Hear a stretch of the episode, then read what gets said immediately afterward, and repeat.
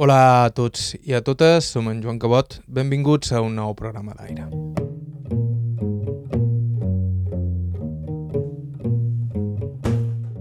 Aquesta és ja quasi una tradició indefugible del programa. Coincidint en la proximitat del dia 8 de març, Dia Internacional de la Dona, recuperam cada any algunes de les veus femenines que hem tingut el privilegi de recollir en el nostre arxiu i recordam algunes entrevistes que ens donen una idea del context del que venim, malgrat sigui obvi que també hem donat passes importants en el camí de la igualtat.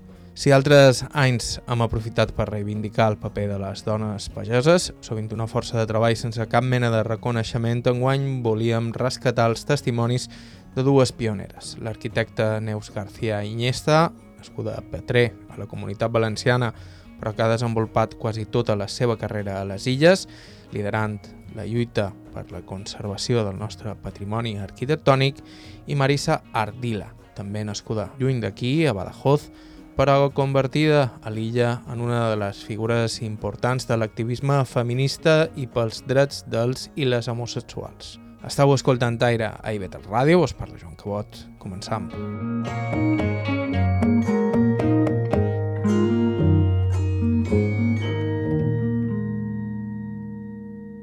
I ho fem escoltant la veu de Neus García Iniesta, arquitecta valenciana instal·lada a l'illa des de fa dècades. Vaig néixer a Petrer, província d'Alicant, en 1945. Mon pare era mestre, i mon mare també era mestra. Ma mare de, pàrvol, de, de pàrvols i mon pare, de, en aquells moments, els homes, els mestres, agafaven els nins en la primera edat que, des, que, que arribaven de, dels pàrvols i després els acompanyaven fins en el final. Després tornaven a agafar els mateixos, és un sistema... Si eres un molt bon mestre era fantàstic, si eres mal mestre pues, era terrorífic els alumnes. Tots dos eren molt entregats perquè Passa una cosa, jo ho he vist en mi mateixa i en tota la gent que he conegut que té un ofici. Si estimes molt, si ets una apassionada de lo que fas, com a mínim ho fas bé. Si a més eres bona en el teu ofici, pues ja ho fas beníssim. Però si estimes el que fas, ho fas bé.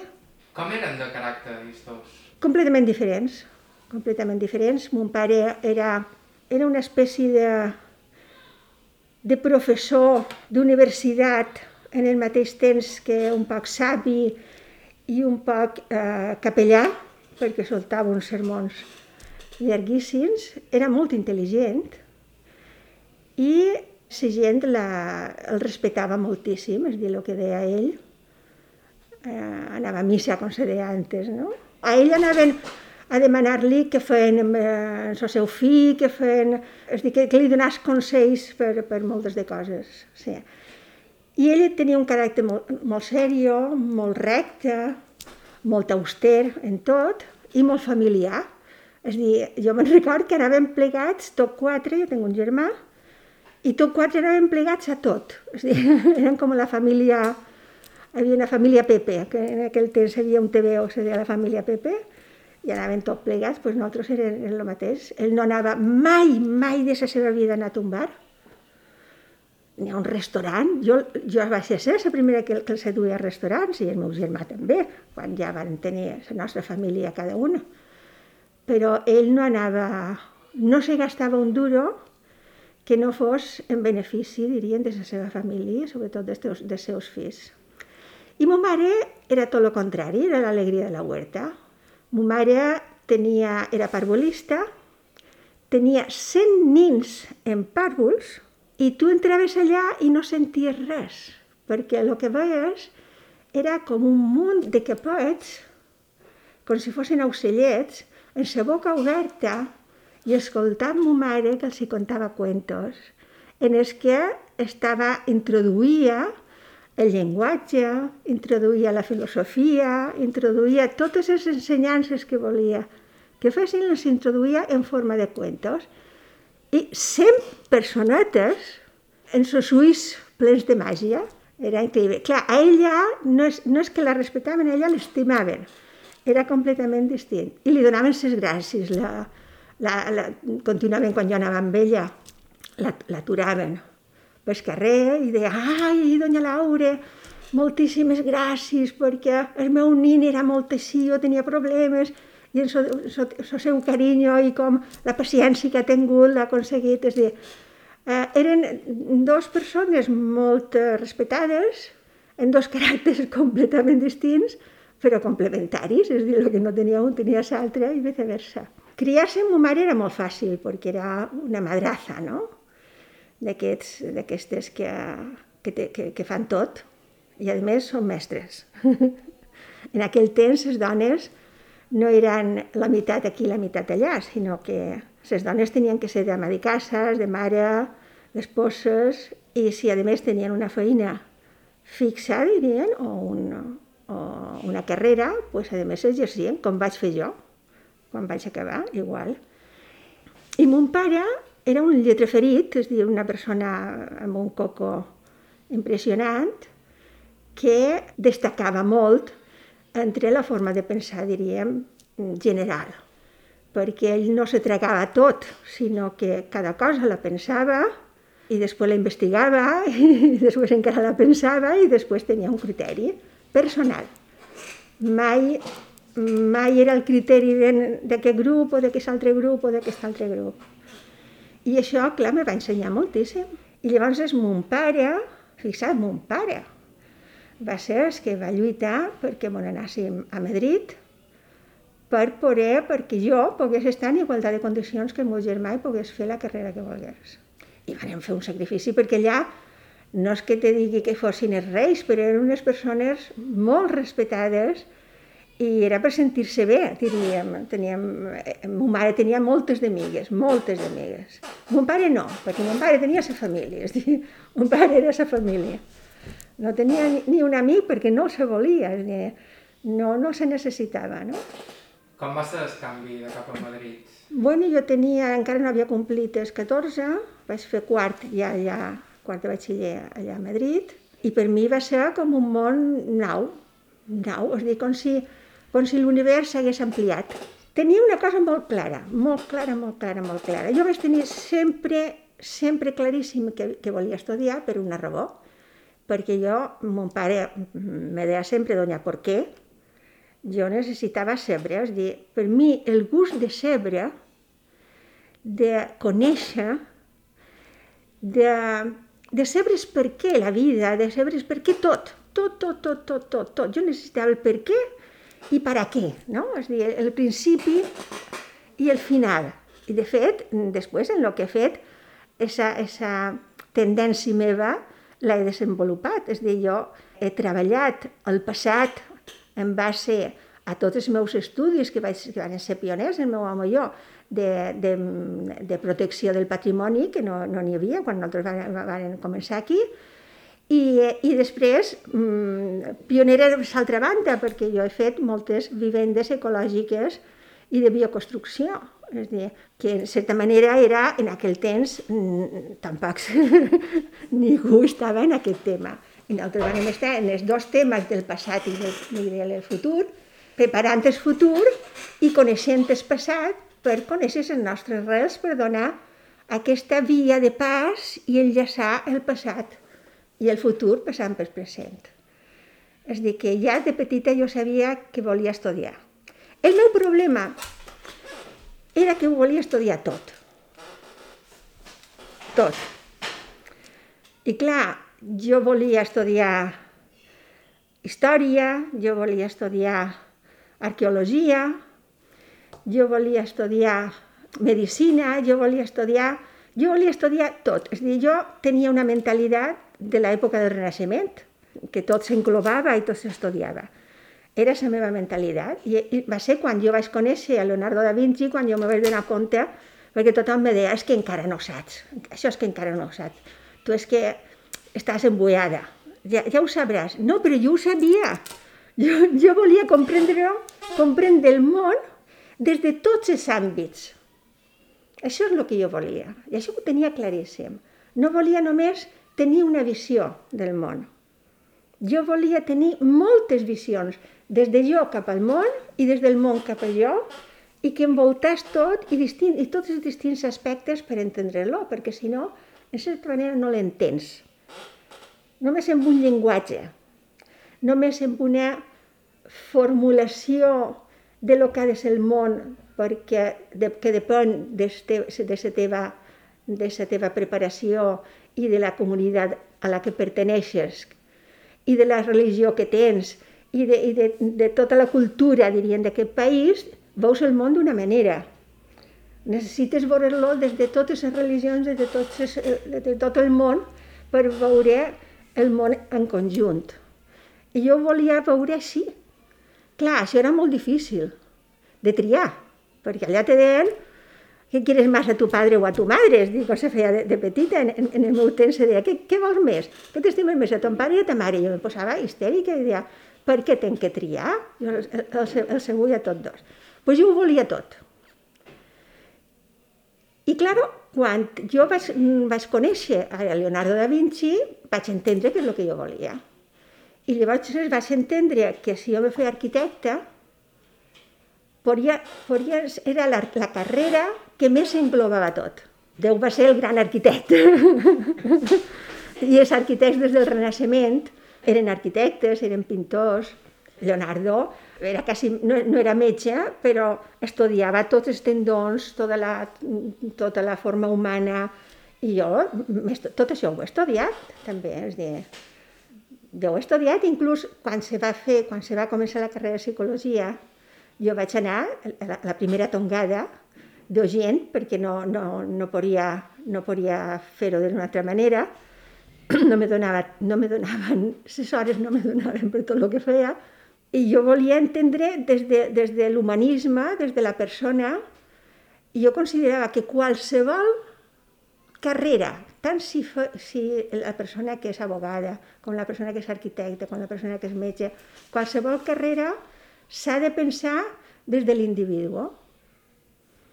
Que més humanisme que això?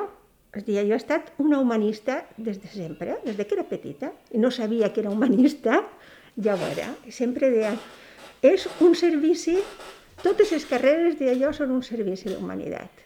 I encara continuo pensant igual. El primer dia que vaig arribar jo allà, me vaig posar uns tacons i jo vaig anar eh, quan ja se va obrir, per, per, el primer dia estava plena. És dir, l'escola d'arquitectura estava plena d'homes. I jo cercava una dona i no vaig trobar. Però ells sí que me van trobar a mi. I llavors el hall de l'escola se va començar a obrir per donar-me pas a mi. Jo tota nerviosa en les cames que me, que me tremolaven, vaig anar mirant allà a veure si, si entrava més, més cap endins podia trobar una dona i quan vaig estar enmig me varen tremolar tant les cames que me vaig caure. Me varen agafar entre tots els les mans i me varen anar passant per tot, per tot el hall. Tu t'imagines? T'imagines? És dir, tots divertidíssims, com si fos una pilota. Entens? Jo Pues mai en la meva vida he duit tacons. Perquè, no, perquè jo havia d'anar en els puestos amb les cames ben fermes i no m'havia de tornar a passar que me fallassin, diríem, els peus, no? Pues mai he duit tacons. A mi la carrera d'arquitectura realment me va omplir. Me va omplir i els buits que me varen quedar buits, jo els vaig omplir fent altres coses i altres carreres i anant gent aquí per allà per omplir tota la informació que jo penso que s'ha de donar, diríem, en una carrera d'arquitectura que, que per a mi ja t'he dit que és una carrera humanística, ja has de saber un poc d'astronomia, has de, ser, has de saber molt de geometria, perquè l'espai és geometria i són números, les matemàtiques a mi sempre se m'havien donat bé, i clar, vaig ser juntes. Les matemàtiques, la perspectiva, el dibuix, el, la geometria, ahir te surt l'espai. I l'espai no és una cosa lineal, l'espai és, és tot, és l'univers. És l'espai petit de la casa, és l'espai més gran que és el carrer, és l'espai més gran que és el poble, l'espai més gran que és la ciutat, l'espai més gran que és, que és, que és el, el, el camp, I després està, està l'univers, és dir, que, que tot és espai. Així, a mi me va, me va fascinar. Però, claro, eren tan poquetes que una cosa que totes les que vaig trobar més tard anaven totes juntetes, és dir, com si fossin, com si tinguessin, com si necessitassin protecció, se protegissin entre elles perquè els homes no fessin, per exemple, el que me varen fer a mi el primer dia, que me varen passejar per damunt dels caps de tots, i anaven així, i m'anaven una mà en el cul i l'altra en el, eh, aquí, i me van anar passejant per tot, no? pues ells se protegien. I jo me vaig, eh, me vaig prometre que no, que no ho faria. És dir, que jo aniria per meu compte. No aniria a refugiar-me en ningú i que si tenia que sofrir, sofriria des del principi. Perquè, a més, és que era, era un poc com ridícul, és dir, totes, és dir, pareixien les, les monges de, la caritat, totes allà agrupades, com si fossin, i clar, no s'atrevien a ficar-se amb elles. Jo dic, bueno, se ficaran en jo, però, però no, no, vull, no vull fugir d'això. Hi va haver moments durs durant la carrera? Sí, va haver moments durs i moments fantàstics. Durs perquè, per exemple, un auxiliar me tira los tejos i jo li vaig dir que no i me va suspendre.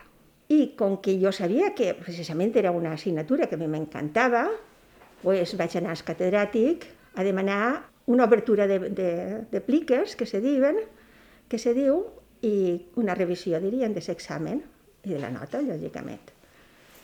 Llavors, és clar, el catedràtic, quan me va veure un catedràtic ja vell, una dona que venia al catedràtic a protestar per un auxiliar, perquè en aquell temps, no és com ara, que els catedràtics i els professors són com iguals dels, dels alumnes i se, s'entremesclen i se diuen de tu i no sé com dir-te. En aquell, llavors serà una institució, és dir, hi havia un nivell aquí, d'aquí cap a dalt eren els professors i d'aquí cap a baix eren els alumnes i d'aquí cap a baix eren les quatre mosses que hi havia dones, no? I me va dir, Nina, jo no, eh, bueno, me va, va, me va fer el gran favor de llegir-s'ho, me va dir que estava totalment d'acord en jo, que me mereixia un, un, un, sobresal, un, un notable alt per no, per no dir que me mereixia un sobresalient o una matrícula, però que si jo continuava amb aquesta direcció no acabaria la carrera, perquè tots els professors farien costat en aquest professor i tots me suspendrien. Això m'ho va dir el catedràtic. I ell me va dir, si fas això, jo te promet, tu ves a, a setembre a tornar a examinar-te. I jo te promet que, que estaràs aprovada. Ventura mm, no te posarà la nota que jo te posaria per lo que he llegit, però no s'atrevirà, perquè jo xerraré amb ell, no s'atrevirà a suspendre's-te. I efectivament vaig, vaig tenir que anar i tornar a fer l'examen.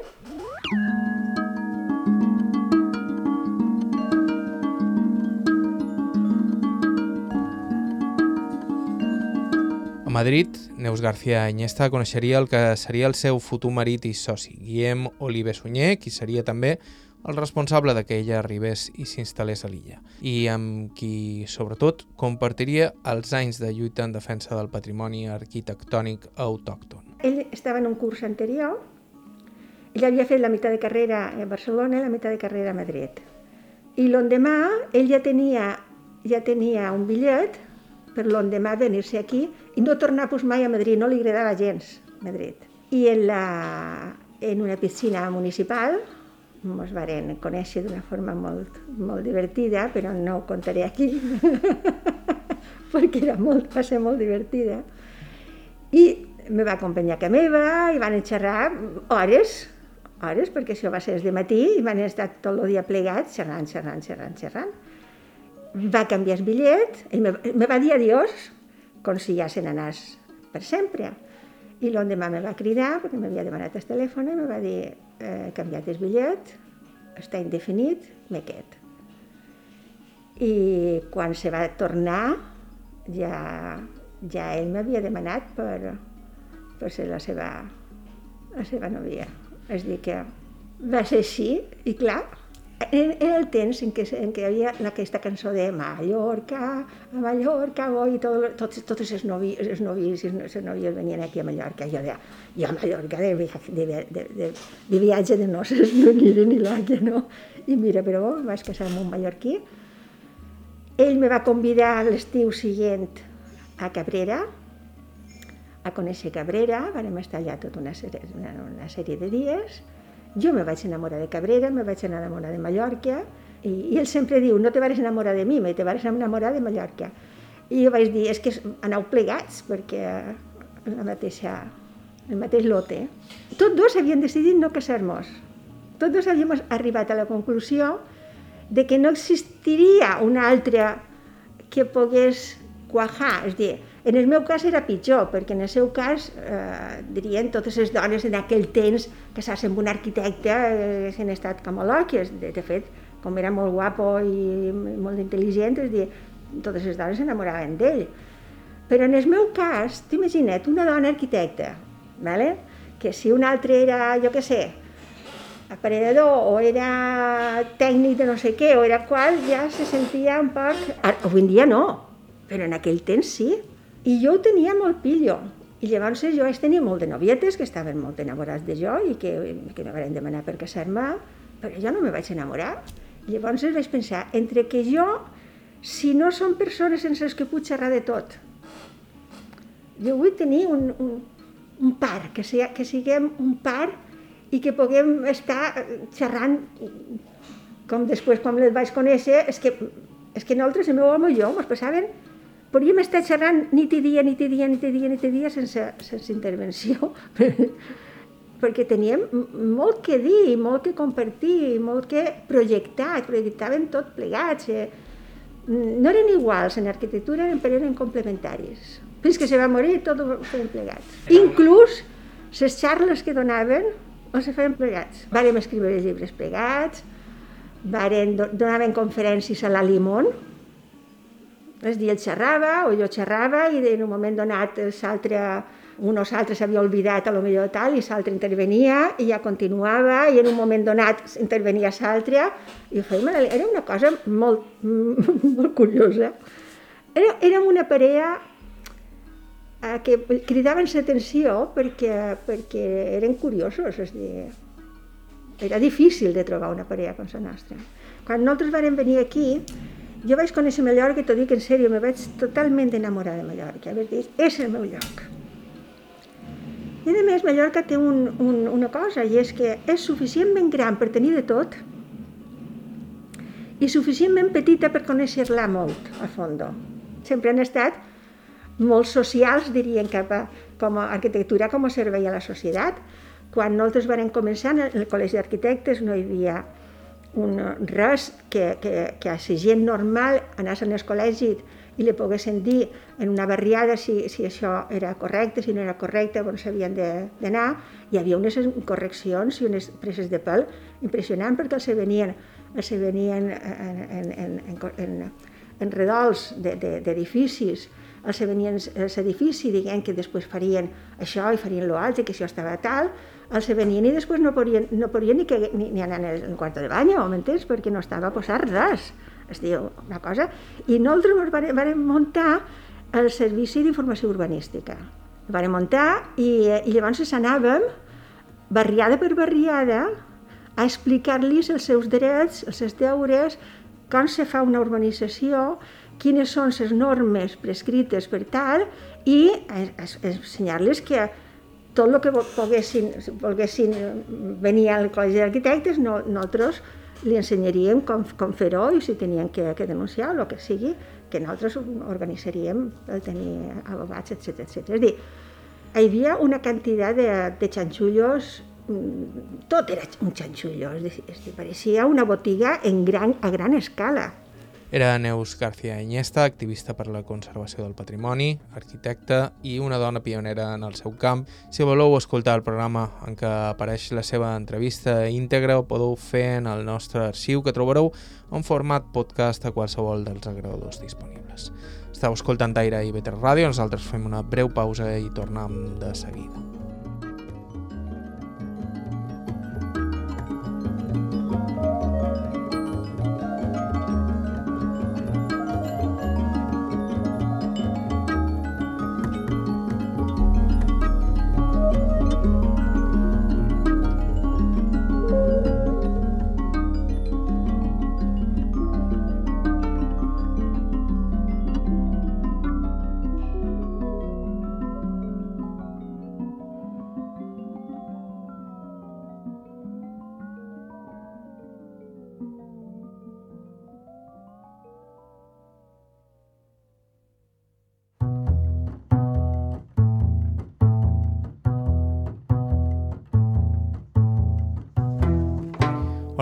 Nou, som en Joan Cabot i això és Aire. Avui programa especial amb motiu del 8 de març, Dia Internacional de la Dona, en què hem volgut rescatar dos testimonis de dones pioneres en els seus camps, totes dues amb una personalitat fortíssima i totes dues compromeses. Era el cas de Neus García Iniesta, arquitecta, aquí acabam d'escoltar, i és el cas de Marisa Ardila, activista pels drets de la dona, compromesa gairebé des dels seus inicis amb el moviment feminista de les illes. Aquí la tenim. Oficialmente me llamo María Luisa Ardila Cordón, me llaman Marisa. Eh, nací el 3 de noviembre de 1948 en Badajoz, en Extremadura, en, en, en el mismo Badajoz, soy de la ciudad. Nací de una familia franquista con una posición bastante buena. Mi padre era mecánico, mi madre trabajaba en la caja de ahorro de Monte de Piedad, pero lo dejó cuando se casó. Y mi padre trabajaba también en aviación. Yo no he conocido la República, hoy la República, el franquismo, perdona, yo no he conocido el franquismo. Bueno, lo he conocido, a ver si me entiende, pero no lo he vivido en el sentido de, razonamiento, de, que, de pasemos hambre, todo esto, no al contrario. Vivíamos felices, nos llevaron a un colegio de pago, porque antiguamente los colegios de Franco en esa época no servían para nada, iban gente muy, como decía, muy decadente, eso es lo que me contaron a mí. ¿eh? Y, y, me llevaron a un colegio de pago, de pago se llama Santa Ángel de la Guarda, de monjas, claro. Fui una niña más o menos feliz, más o menos no. Había de todo, de todo, porque yo era completamente diferente a mis hermanos, no tenía nada que ver con ellos. Éramos cuatro, yo soy la tercera de las niñas. Y nació un niño, cuando nació un niño a mí se me ignoró por completo. Lo sufrí en mi piel, lo pasé mal, hombre, claro que lo noté, como no lo voy a notar. Él nació cuando yo tenía cinco años, a mí se me daban todas las prioridades. Cuando el niño nació, se me quitaron todas. Y ahí empecé a vivir un poco de infierno. Yo no sabía que era homosexual, ni muchísimo menos sentí eso de que se nacen, de que se... Yo veía que era completamente diferente a mis hermanas, que no tenía nada que ver con su rollo, que no tenía nada que ver con, con el rollo de dinero. Ella era materialista, yo era diferente. Yo, por ejemplo, cuando iba al colegio que me hacían darle un bocata a una niña para que eran, eran colegios de pago, luego había la gente que, que no pagaba y que, que, le daban clase las monjas. Se venía con nosotros de excursión, se ponían las últimas, nosotros nos poníamos las primeras y tenía que dar un bocata. Y yo me negaba eso, que, yo, que no quería humillar a nadie, que no quería... O por ejemplo, por Navidades teníamos que llevar garbantos, cosas, cosas para las niñas estas. Yo no, lo, yo, yo no se lo daba, no, no se lo daba. Se lo daba a la monja, y la monja llamaba a mi madre, tu hija mira lo que ha hecho, no quiere darle los bocatas, no quiere hacer nada. Yo, ¿por qué tengo que darle un bocata a una niña, pobrecita? Y además, de esa parte, yo, me, yo cuando iba al recreo me escapaba y me iba con ellas a hablar. y nací diferente, completamente diferente un poco de martirio porque me empezaron a discriminar bastante, porque yo era diferente, yo contestaba, yo no me callaba, me enfrentaba mucho con mi padre. Y bueno, viví una infancia a los 18 años, pues quise irme de casa, no me dejaron. Y como yo era mayor, hasta los 21 años no éramos mayores, pues entonces me enfrenté a mi padre y me fui a la protección de menores a pedir ayuda. Y me dijeron que a mí no me podían dar ayuda, se lo darían a mis padres porque yo era rebelde. Digo, bueno, me da igual haga lo que quiera, pero métame en un colegio que yo no puedo aguantar más. Aquí no estudio, no saco ingreso de bachiller, no saco nada. Conseguí, con un palizón que me pegó mi padre, unos cuantos guantazos, no me pegaban ni con correa ni nada de todo esto. Pero bueno, yo era, ¿cómo te diría yo? La oveja negra de la familia, ya sin saberlo, ya lo era, ¿me entiendes? Y ahí me fui a las adoratrices, me lo pasé bomba. Y ahí empecé a estudiar, hice ingreso primero de bachiller estaba por la protección porque yo contestaba a mi padre y era muy rebelde. Mí me daba igual, yo me quería ir de mi casa y me fui. Y es lo mejor que me pudo pasar. Eso fue, fue una alucine de miedo. Me lo pasé bomba, estudié. Me dijeron, ¿qué quieres? ¿Hacer sus labores o estudiar? Digo, no, yo, yo estudié, estudié. Hice el ingreso de bachiller que no lo había conseguido en mi casa, primero de bachiller. Y luego yo tenía una tía aquí en Mallorca, que era enfermera, que era la, la hermana de mi madre, y trabajaba aquí y me escribió que se me quería ir del colegio, pues se me quería venir. Entonces pues, le dije a mi padre que me quería venir a Mallorca y mi padre en ese momento ya no le iba bien los negocios ni nada de todo esto. Entonces mi tía le dijo, pues vente con ellos vete, tráela, veniros y yo te buscaré un trabajo de mecánico, de jefe, porque mi padre era un buen mecánico. Y efectivamente se vino, yo me puse a vivir con mi padre y con mi madre, pero mi padre yo no la aguantaba. Era una cosa horrible, siempre se estaba metiendo conmigo. La pobre de mi madre era una santa, pero bueno, los cuernos le llegaban hasta, hasta yo te puedo decir, porque manejaba dinero, se iba al fútbol, se acostaba con unas, se acostaba con otras. Y yo era la única que me daba cuenta de todo. Y nada, empecé a trabajar en la clínica Royer, por cierto, en la antigua y ahí pues vivía con mi padre en casa de mi tía y mi, madre. Y cuando ya no podía más, le dije, yo me voy de esta casa, no puedo más. Mi padre me dijo, tú no te vas de aquí, digo, tú no puedes conmigo y se acabó. No vas a poder conmigo. Y me fui de, esta casa. Yo me quedé con mi tía, ellos se fueron, yo no, se fueron después, yo volví con mi tía y vivíamos en la, en la misma calle, en la misma calle. Mi madre una santa y un día me, me llama mi madre y me dice, tengo aquí un bultito, míramelo. Yo solo miro y digo, mamá, pero tú, ¿tú de qué vas? Digo, ¿desde cuándo tienes esto? Pues le había salido cáncer por aquí. Dice, ah, es que no se lo quiero decir a nadie, entonces me fui a Sanidad, que trabajaba en mi tía de enfermera, y se lo conté. Y le dije que mamá tiene cáncer, mamá tiene cáncer. Bueno, la operaron y duró por lo que duró, muy poco, un año y pico, y murió mi madre murió y yo, y yo trabajaba en un hotel que llevaba una enfermería, porque yo tenía el título socorrista y tenía también lo de la Cruz Roja y llevaba uno en francés. entonces me dijeron, me dijeron de irme, cuando murió mi madre, se terminó la temporada y me dijo una amiga, vente a casa que tengo un hotel. Y nos quedamos en el hotel con mis padres y conoce Francia. Y me fui a un hotel a trabajar. Estuve muy bien con los franceses, ahí donde me invitaron a Francia y me fui a Francia y yo me tenía que volver a Madrid a la Sadoratriz a estudiar enfermería y me gustó Francia y le dije a Antoine, ay, mi amiga, digo, si al año que viene yo vuelvo al hotel y, y, luego vuelvo a Francia a los seis meses, dice, vaya, hablamos, con el director, hablado con el director y entonces me quedé en Francia, de Fiope. Salía con un chico y esta chica tenía un hotel a 80 kilómetros de, Francia, se llamaba La, la Etape y fue una maravilla conocer a esta gente. Y su hermana era artista. Venían de París a pasar unos días porque su hermana iba a estrenar una obra de teatro con, su, con una amiga que se llamaba Dani. Y, esto, y, me dice mi amiga, viene con una amiga que es lesbiana que se llama Dani. Digo, ah, yo tenía 23 años, 24. Digo, ah, pues, pues, muy bien, pues yo estoy muy contenta de que, de que venga con una amiga. Dice, pero ya vienen a su rollo porque vienen a ensayar, porque estrena. Entonces ya comiendo allí con toda la familia y todo, comíamos con el padre, presentaron a Dani, Dani me, cayó muy bien, y me invitaron a, la obra de teatro. Y dije, ah, bueno, como yo estoy la adoratriz y cierran a las 12, pues me tengo que acostar en algún sitio. Pues, me dice Babette, pues quédate en casa, que vivía en un apartamento súper guapo, eran gente de dinero. Quédate en casa. Digo, bueno, pues nada, me quedaré en tu casa pero te tienes que acostar con Dani. Porque yo me acuesto con mi novio en un apartamento que tenía una cama aquí y otra aquí. Los apartamentos estos modernos que viven en Francia.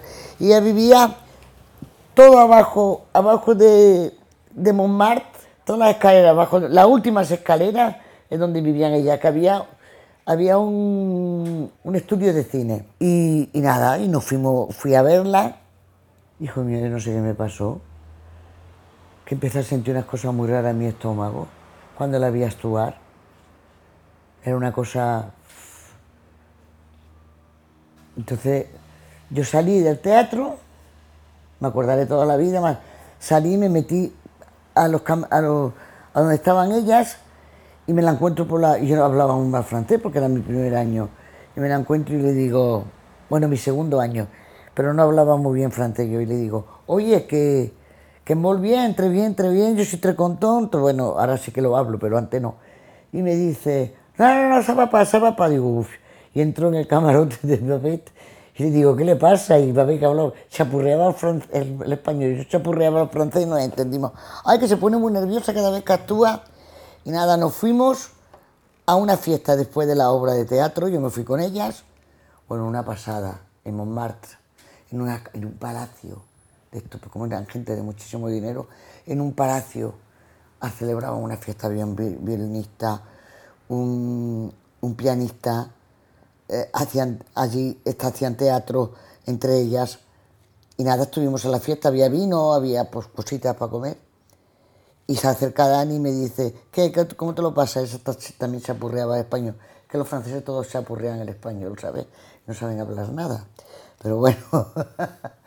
Entonces, ¿qué pasó? Pues nada, terminó la fiesta, nos fuimos y yo me acosté en la misma cama de esta chica, yo no tenía ningún problema, aunque fuera lesbiana.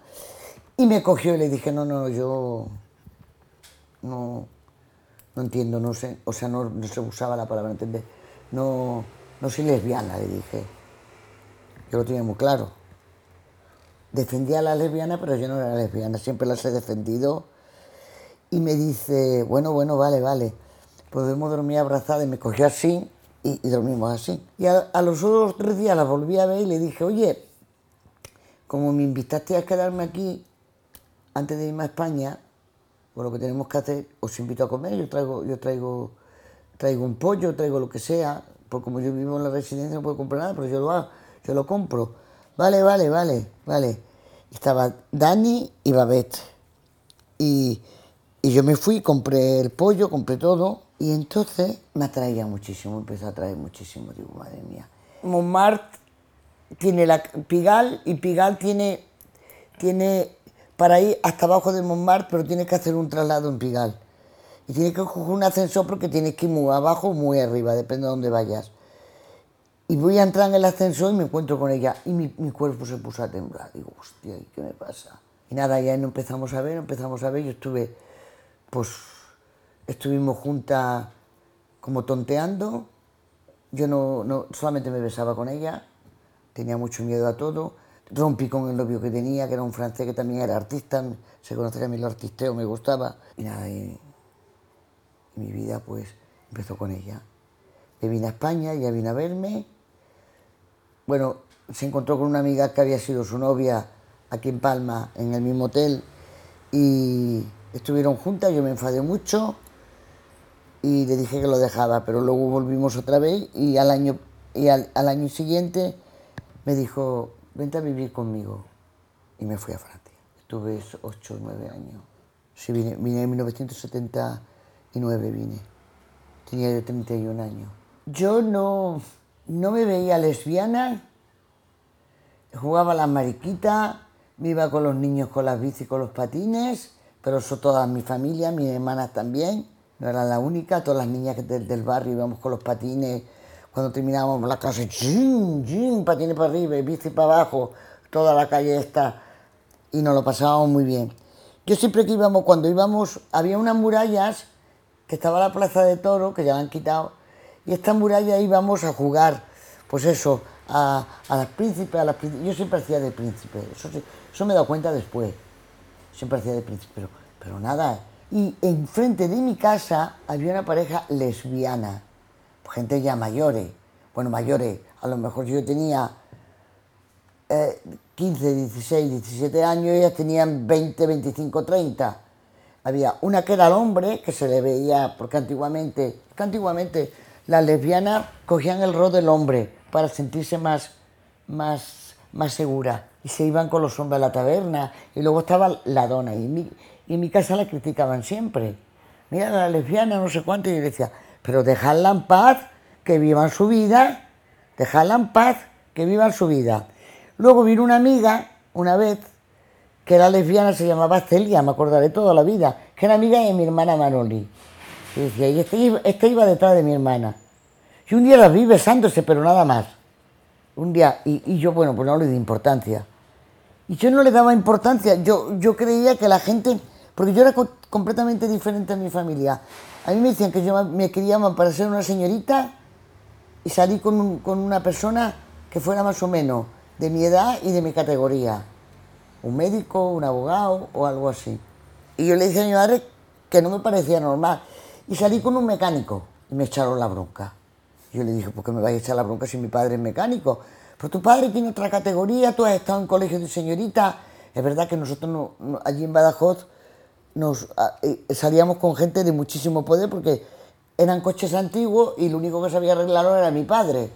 y era una categoría, pues mis padres tenían un dineral de miedo, además trabajaba también en aviación, por los aviones.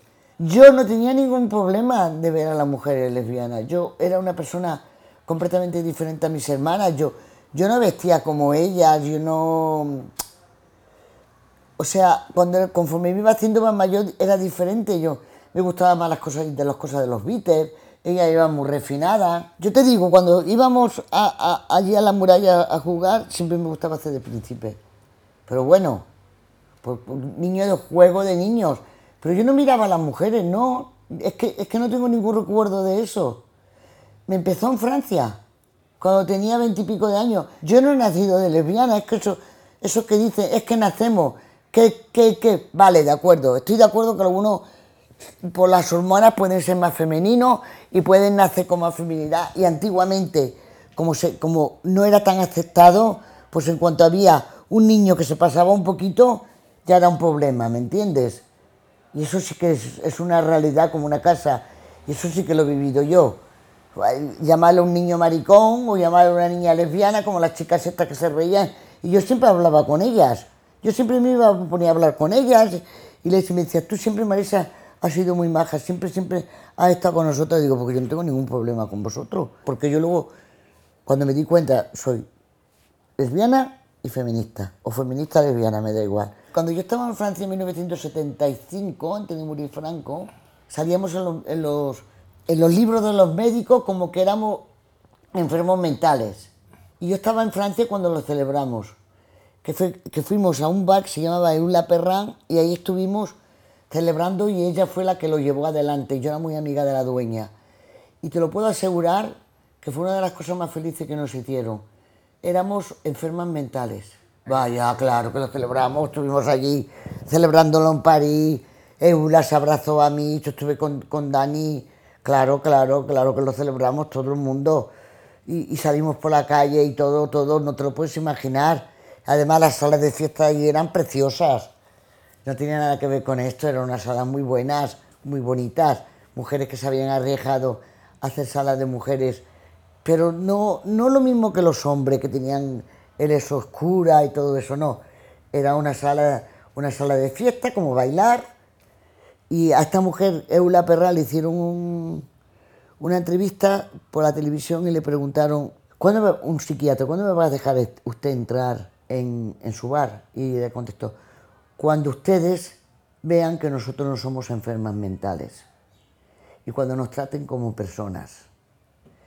Y como ya la habían llevado la ley en Francia, la habían llevado ya, bueno, fue en todo, en toda Europa, en todo el mundo, que, que sabíamos como que éramos enfermos mentales.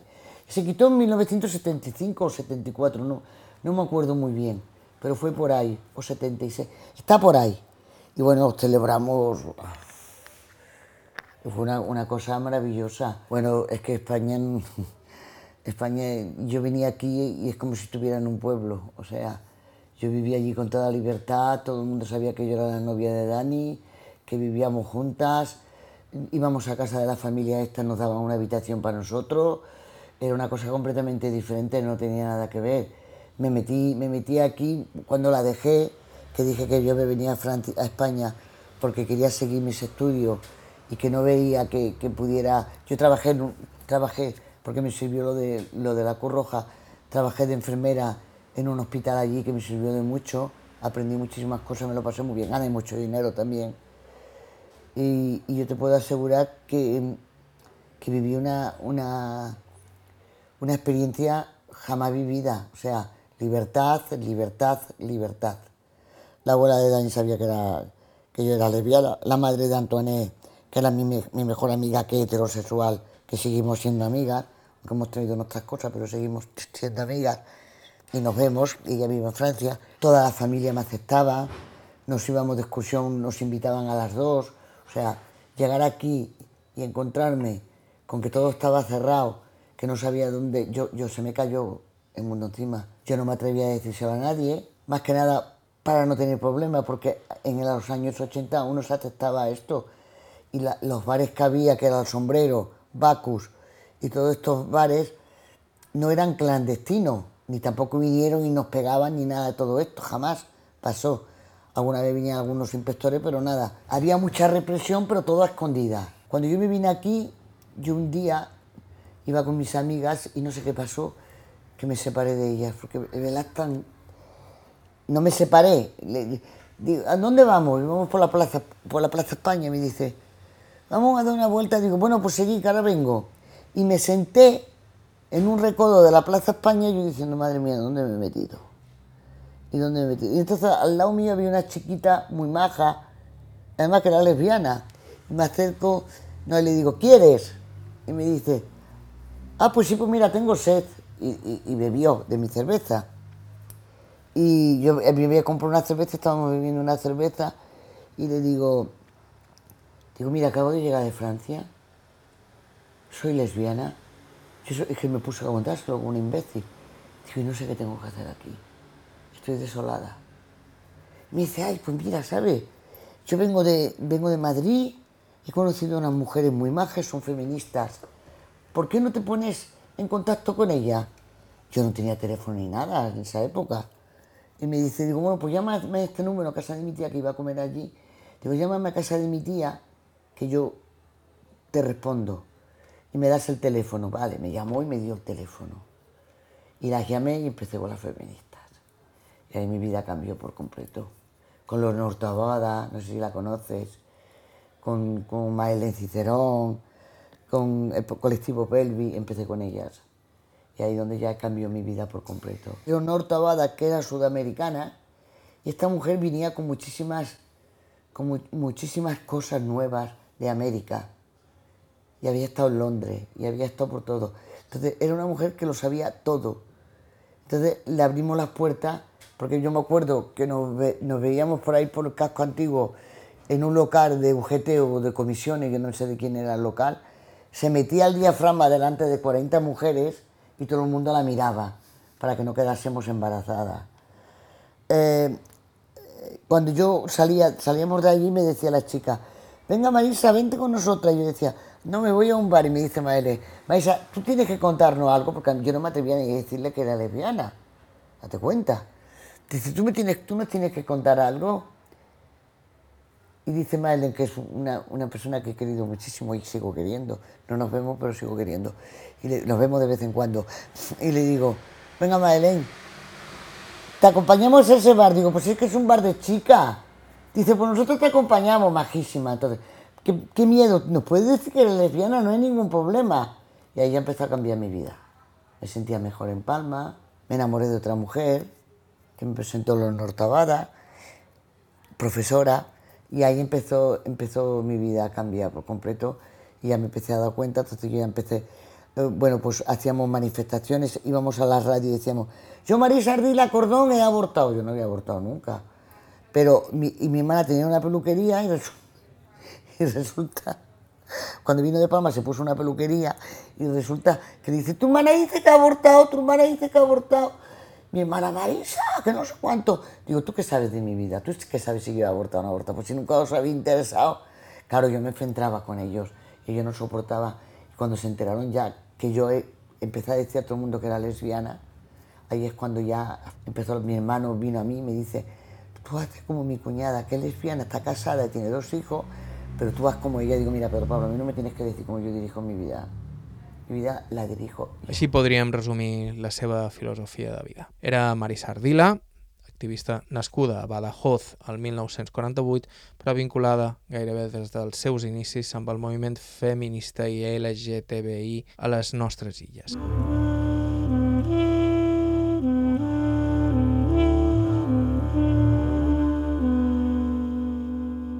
Fins aquí el programa d'avui. Tornem la setmana que ve. Mentrestant, vos recordam que podeu accedir a tot el nostre arxiu i vos podeu subscriure al nostre podcast a qualsevol dels agregadors disponibles.